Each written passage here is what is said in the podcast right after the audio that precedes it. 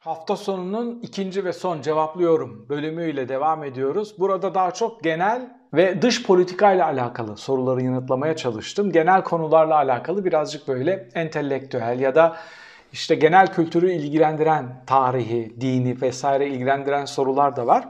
Türkiye aslında bir tarım, hayvancılık, denizcilik ve turizm ülkesi. Ama sanayiye işte sürekli yatırım vesaire programları gündeme gelerek biraz vakit mi kaybediyoruz? Biz sanayide işte sanayi ülkeleriyle rekabet edebilir miyiz diye alakalı bir soru var. E, bu doğru bir bakış açısı değil. Rekabet olarak bakmamak lazım. Farklı alanlarda istihdam sağlamak her zaman avantajlıdır. Sadece şunu söyleyebiliriz. Daha profesyonel tarım yapmalıyız. Yani değil mi? Hep konuşulan modeller var. Hollanda modeli gibi, işte İsrail'in başardığı bazı alanlarda aldığı neticeler gibi. Oralarda çünkü Türkiye'nin toprakları senede birkaç kere verim alabilecek, sulanabilecek, güneşi görebilen çok zengin ve stratejik bir yerde duruyoruz. Ama sanayideki örneğini sorduğunuz sorudaki örnek yanlış. Neden?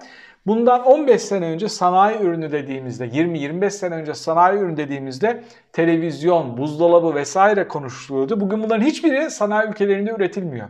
Hepsi Avrupa'nın dışına çıktı. Rekabet edebilmek için, fiyatları düşürebilmek için Avrupa'da ne üretiliyor? İşte araba devam ediyor. Elektrikli arabaya geçtiler. Onun da %30'u yurt dışından geliyor. Dijitale geçtiler ve hizmet sektörüne geçtiler. Yazılım vesaire gibi. Onun için sanayiden de geri kalmamanız, yan sanayi üretseniz, parça bile üretseniz o teknolojik gelişiminin içinde olmanız gerekiyor. Kendiniz bir marka oluşturamıyor olursanız bile. Ben bu açıdan işte o Türkiye'nin yaptığı elektrikli araba projesini de destekliyorum.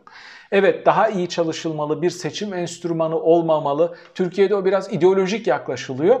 Ama işin içine girdiğinizde çünkü oyun kartlar yeniden karılıyor. Yani e-araba dediğimiz, elektrikli araba dediğimiz sektör yepyeni bir sektör. Orada maç yeniden başlıyor. Bir şekilde işin içinde olmak güzel ama işte onu oradan aldım, bunu buradan yamadım değil de kendi markanı oluştururken bir partnerle birlikte bunu çıkartmak çok daha mantıklı. Ford gidiyor işte Fave ile Volkswagen ile işbirliği yapıyor. Sizin de oluşturacağınız bir marka ile diyelim ki mevcut bir markanızla o alanda çalışan e, elektrik, elektronik, teknolojik alanlarında Aselsan gibi bir markayla ben olsam gider bir araba evliliği yaptırır ve öyle bir üretime geçerdim. O know-how'la birlikte çok daha hızlı büyürdüm. Öyle onu oradan al, motoru buradan al, bataryayı buradan al, içeride montajla hadi ben araba yaptım. E, o yaptığın arabayı sanayi sitesinde de yapıyorlar. Öyle değil. Yönetimin idare şeklini kim belirler diye bir soru var. Yani bundan sonra gelecekle alakalı bir soru bu aslında anladığım kadarıyla. Eğer seçimlerde büyük bir kırılma olursa bu ülkede gidişat hangi istikamette olacak? Ben şöyle özetleyeyim. Sandıktan netice çıkartamazsanız, sandıktan iktidarı değiştiremezseniz bu değişmez bir kuraldır. Elinde silah olan, para olan, güç olan son sözü söyler. Yani sandığa buna son şans olarak bakıp o kadar güçlü konsantre olup o kadar güçlü bir şekilde yüklenmeniz gerekiyor ki bu seçime. Onun için sürekli defalarca aynı şey söylemekten geri adım atmayacağım, bıkmayacağım. Bu son şans olabilir. En iyi yönetecek değil, seçimi en güçlü bir şekilde kazanacak adayın arkasında kilitlenmeli bu ittifak. Yarın Bugünleri konuşurken ya bir tane hoca vardı işte söyleyip duruyordu adam haklıymış demenin hiçbir karşılığı, hiçbir faydası yok. Bu hiçbirimizi mutlu etmeyecektir. Bunun için konuşmuyoruz. Güne etki edebilmek için konuşuyoruz. Güzel bir soruda diyor ki parti tüzüklerinde bu devletçi söylemden çıkılıp daha rekabetçi, serbest piyasanın gerekliliklerinin altını çizen bir yere daha evrensel bir çizgiye gitmemiz gerekmiyor mu başarı için? Bunu bana pandemi öncesinde sormuş olsaydınız lafa şöyle başlardım belki. Tabii ki işte evrensel çizgide daha serbest piyasa normlarında hala öyle diyorum ama bir artıyla. Şunu gördük. Serbest piyasa ekonomisi içinde sosyal devlet yapısını çok güçlü bir şekilde inşa edenler, onu ekonomiye karıştırmayan ama ekonominin dolaylı bir parçası olarak sosyal devlet yapısını çok güçlü bir şekilde inşa edebilen ülkeler başarılı oldu. Pandemiden etkilenmedi. Yarın farklı bir şey olur, farklı bir salgın olur. Yani Allah göstermesin çatışma olur, savaş olur vesaire. sosyal devlet yapısının ne kadar önemli olduğunu, sosyal demokrasinin ne kadar önemli olduğunu da serbest piyasayı savunan arkadaşların da görmesi gerekiyor. Onun için işte o third way dediğimiz, üçüncü yol dediğimiz tartışmalar Avrupa'da çok ön plana çıktı ve başarı elde etmeye başladılar. Garip bir dönemden geçiyoruz diye başlayan bir soru var. Pandeminin gelişmemiş ülkeleri nasıl etkilediğini, onların hangi istikamette olduğunu soruyor. E, durumlar çok iç acıcı değil. Ekonomik olarak aşağı yukarı hepsi bir kriz içinde ama bazı ülkelerin otoriterleşmesine ya da otoriter rejimlerin daha da otoriterleşmesine vesile oldu bu süreçler. İşte Polonya gibi, Macaristan gibi ülkeleri dört gözle herkes bekliyor. Orada bir dönüşüm olacak mı, bir çıkış olacak mı diye. Macaristan'da bize benzer, birbirine benzemez liderlerin bir araya gelerek aday çıkartma süreçleri var. Ama pandemi dünyanın dört bir yanını kötü etkiledi. Otoriter rejimleri çok daha kötü etkiledi. İşte Brezilya'yı, Arjantin'i görüyorsunuz. Açlık seviyesinde krizler, kırılmalar vuku bulmaya başladı. Süreci yönetme şansları olmadığı için.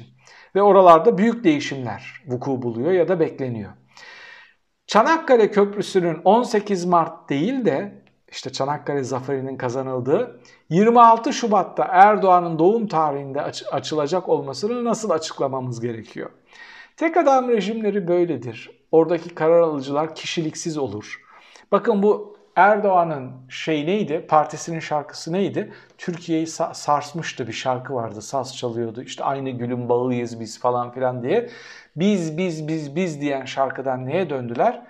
Erdoğan, Dombra'ya döndüler ve Recep Tayyip Erdoğan diye bağırmaya başladılar.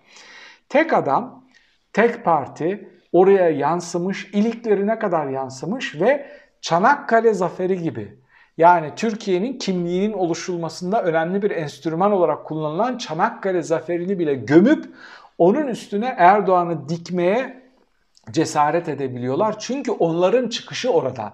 Onlar da kimliklerini Erdoğan gerçeği, Erdoğan kültü, Erdoğan karizması üstüne inşa ettiler. Onu bizim anlamamız imkansız. Biz bu hamleyi kişiliksiz bir hamle olarak görüyoruz. Recep Tayyip Erdoğan Üniversitesi açmak da kişiliksizliktir. Recep Tayyip Erdoğan Stadyumu açmak da böyledir. Siyasi liderler vefat ettikten sonra ahde vefa ile anılıyorsa ondan sonraki nesiller bir yerlere isminizi koyuyorsa ne ala. Ama siz yaşarken onun bunun vergisiyle topladığınız yerlere böyle kendi adınızı, kendi isminizi, kendi doğum tarihinizde açılış yapma gibi hamleler yapıyorsanız iktidar değiştiğinde de tersi hamleler yapılır. Yani yazılı taşlardan Recep Tayyip Erdoğan ismi silinmeli üniversitelerden. Ha çok sonraki nesiller istiyorsa eğer hala onu güzellikle yad ediyorlarsa koyabilirsiniz. 50-100 yıl sonra Türkiye'yi nerede görüyorsunuz diye bir soru var. Tabii ki zor bir soru bu ama çok büyük değişiklikler olacağını zannetmiyorum. Yani biz tarihinde devrimler olan, böyle büyük çıkışlar olan, dönüşümler olan bir toplum değiliz. Evet bir kere bir cihan imparatorluğu kurmayı başarmışız ama o dönemin şartları değiştirdikten sonra zamanın ufkunu, zamanın felsefesini hiçbir zaman e, yakalayamamışız. Zamanın ruhunu yakalayamadığınız zaman da ipin ucu kaçabiliyor. Şu olabilir, daha işleyen bir devlet. Çünkü toplumlar acı tecrübeler yaşadıktan sonra daha iyi şeyler inşa edebiliyorlar. İkinci Dünya Savaşı'nın üstüne kurduk Avrupa Birliği'ni. İkinci Dünya Savaşı olmamış olsaydı Avrupa Birliği ülkeleri bir araya gelip böyle bir birlik kuramayacaklardı. Onun için o altı benzemez dediğiniz şey Erdoğan döneminin çöküşünün bir zaferi olabilir. Bir model çıkabilir oradan. Maalesef oradaki liderler böyle çok felsefik okumaları olan, derin demokratik görüşleri olan liderler değil. Yani orada kaderin denk geldiği noktada açık konuşuyorum çok şanslı değilsiniz. Mevcut liderlerin işte birazcık dünyayı okuması başarılı olanlar var. Dil bildikleri için, dünyanın nereye gittiğini görebildikleri için. Onun dışında pratiğe dayalı tecrübeleri olan liderler var ve çok iyi yakalandık, çok iyi bir dönemde bir kadro geldi demiyorum yani. Böyle övgüyle ama diğer taraf o kadar kötü ki bir Erdoğan var. Hayatında 3 tane kitap okumamış, dünya görüşü olmayan, karizması üstünden her şeyi götürmeye çalışan onun için burası daha ağır basıyor. Yoksa böyle 50-100 yıl sonrayı görebilmek için Bugüne bakmamız yeterli. Toplum dökülüyor, eğitim seviyemiz dökülüyor, entelektüel birikimimiz dökülüyor. Kültür, sanat ve sporda nerede olduğumuz zaten belli. Bizim başaracağımız en ideal şey şudur. İşleyen bir devlet, işleyen bir demokrasi, gençlerinin önünü açabilen ve daha iyisini yapmaya onları motive edebilecek bir sistem. Bunu kurup o noktaya gelip daha az birbirimizi üzerek, daha az birbirimizi kırarak yaşayabiliyorsak ben bunu çok büyük bir zafer olarak görüyorum. Şimdi geldik tarih ve din sorularına. Osmanlı'dan birkaç soruya cevap verdim. Tarihçi olmamama rağmen bu sefer tarih soruları artmaya başladı. Dini bir iki konuya girdim. Ayetli din soruları gelmeye başladı. Bir kendi entelektüel çapım ve kapasitem kadar bu alanların uzmanı değilim. Yanıt vermeye çalışacağım. Osmanlı niçin en iyi dönemlerinde bile dünyaca ünlü bilim insanları çıkartamamış? Çok sarsıcı bir soru. Ve işte Batı'da değil mi? Nelerle anılıyorlar? Newton'la, Van Gogh'la, Picasso'yla, Einstein'la vesaire ya da Einstein çok yeni ama geçmişte çok büyük bilim adamlarıyla anılabiliyorlar ya da büyük sanatçılarla anılabiliyorlar. Bunun iki tane sebebi var. Birincisi bizim yanlış bir orta çağ okumamız. Ben orta çağı yakın ilgi duyuyorum. O çöküş, o berbat, zulüm, o kilisenin tahakkümünün olduğu yerde acılar o kadar derin ki bilim, sanat merdiven altına inerek bile yoluna devam etmeye çalışıyor büyük bir aşkla. Neden? Çünkü dışarıda çok büyük bir baskı var ve gece gündüz oraya yoğunlaşıyorsunuz. Bizdeki eğitim sistemimizdeki orta çağ karanlığı olarak gördüğümüz okumanın içinde göremediğimiz aslında pırıldayan cevherler var. İkincisi bizde bilim deyince Osmanlı'yı kastediyorum. O en şaşalı olduğu dönemde kurulan şeyler felsefe ve dini okumalar.